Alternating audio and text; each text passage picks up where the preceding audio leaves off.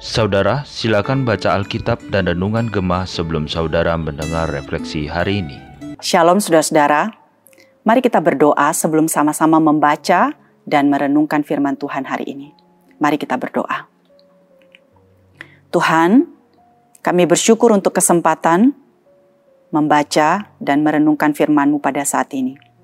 Berkati setiap kami Tuhan, Roh Kudus kiranya memberikan kami pengertian, dan kiranya Engkau yang memampukan kami untuk melakukan apa yang menjadi firman-Mu di dalam kehidupan setiap kami. Di dalam nama Tuhan kami, Yesus Kristus, kami sudah berdoa. Amin. Refleksi gema kita hari ini diambil dari pengkhotbah pasal yang ke-9. Kita hanya akan membaca ayat yang kedua dan sebelas saja. Pengkhotbah 9 ayat yang kedua. Segala sesuatu sama bagi sekalian, nasib orang sama, baik orang benar maupun orang yang fasik, orang yang baik maupun orang yang jahat, orang yang tahir maupun orang yang najis, orang yang mempersembahkan korban maupun yang tidak mempersembahkan korban. Sebagaimana orang yang baik, begitu pula orang yang berdosa.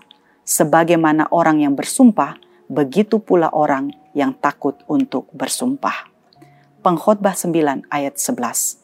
Lagi aku melihat di bawah matahari, bahwa kemenangan perlombaan bukan untuk yang cepat, dan keunggulan perjuangan bukan untuk yang kuat, juga roti bukan untuk yang berhikmat, kekayaan bukan untuk yang cerdas, dan karunia bukan untuk yang cerdik cendekia, karena waktu dan nasib dialami mereka semua. Saudara, pengkhotbah mengatakan bahwa pada akhirnya semua manusia akan menghadapi hal yang sama, yaitu bahwa semua manusia akan mati.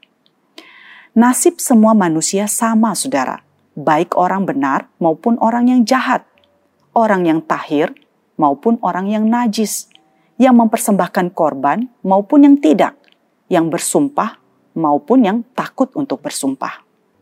Saudara, kalau kehidupan ujungnya semua sama bagi manusia, lalu apakah itu berarti kita sembarangan saja di dalam menjalani hidup ini. Nah, di pasal 9 ini pengkhotbah mengatakan bahwa dia telah memperhatikan, telah memeriksa, menyelidiki dan mencari. Menunjukkan saudara bahwa dia sudah benar-benar menyelidiki dan catatannya di pasal 9 ini adalah hasil dari penyelidikan dan pengamatannya tersebut. Walaupun pada akhirnya kita akan mati, saudara, namun pengkhotbah walaupun dalam kesinisan pemikirannya tetap melihat bahwa orang yang hidup lebih baik daripada orang yang mati, saudara. Mengapa? Di ayat yang keempat, pengkhotbah mengatakan bahwa orang yang hidup memiliki pengharapan. Selama seseorang hidup, dia memiliki pengharapan apa pun pengharapan itu.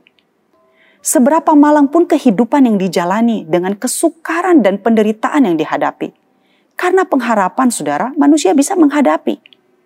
Karena memiliki pengharapan, manusia bisa bertahan. Manusia yang sudah tidak memiliki pengharapan akan sulit bertahan dalam menghadapi kesulitan hidup dan akan menyerah dalam kehidupannya. Karena memiliki pengharapan, seseorang bisa, saudara, bertekun di dalam melewati kesulitan apa pun. Namun, saudara, yang lebih penting adalah orang yang hidup memiliki harapan untuk mengenal Allah di dalam kehidupannya.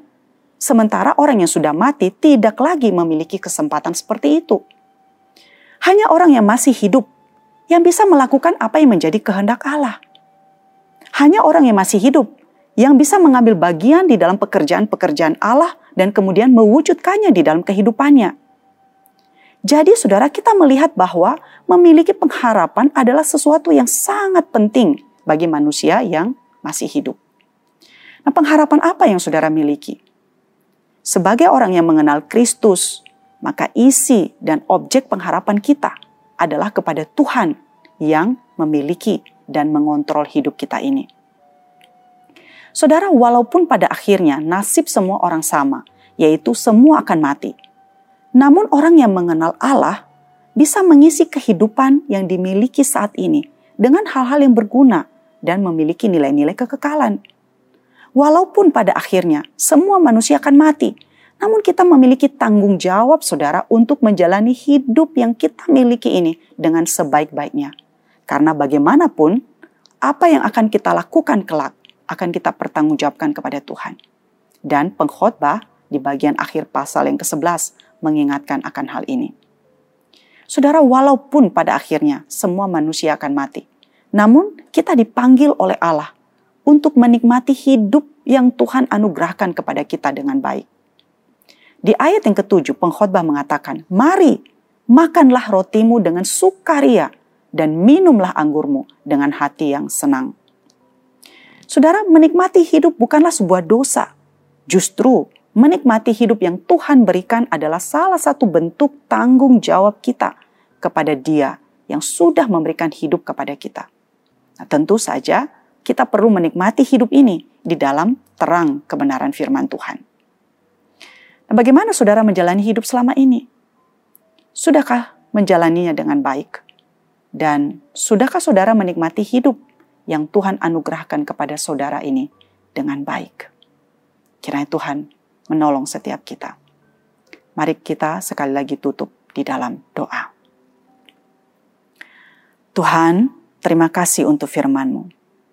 Terima kasih untuk perenungan pengkhotbah ini yang mengingatkan kami bahwa pada akhirnya nasib semua kami adalah sama, yaitu kami akan mati. Tapi kami bersyukur bahwa kami juga diingatkan, walaupun demikian, kami perlu belajar untuk mengisi hidup yang Tuhan berikan kepada kami ini dengan sebaik-baiknya. Kami perlu menjalani hidup dengan baik untuk melakukan apa yang menjadi kehendak Tuhan di dalam kehidupan kami. Dan kami juga perlu belajar Tuhan untuk menikmati hidup yang Tuhan berikan kepada kami ini. Dan itu adalah salah satu bentuk tanggung jawab kami kepada Tuhan yang sudah menganugerahkan hidup kepada kami. Tuhan, berkatilah setiap kami. Mampukan kami untuk menjalani hidup yang kau anugerahkan kepada kami ini dengan sebaik-baiknya. Di dalam nama Tuhan kami Yesus Kristus, kami sudah berdoa. Amin.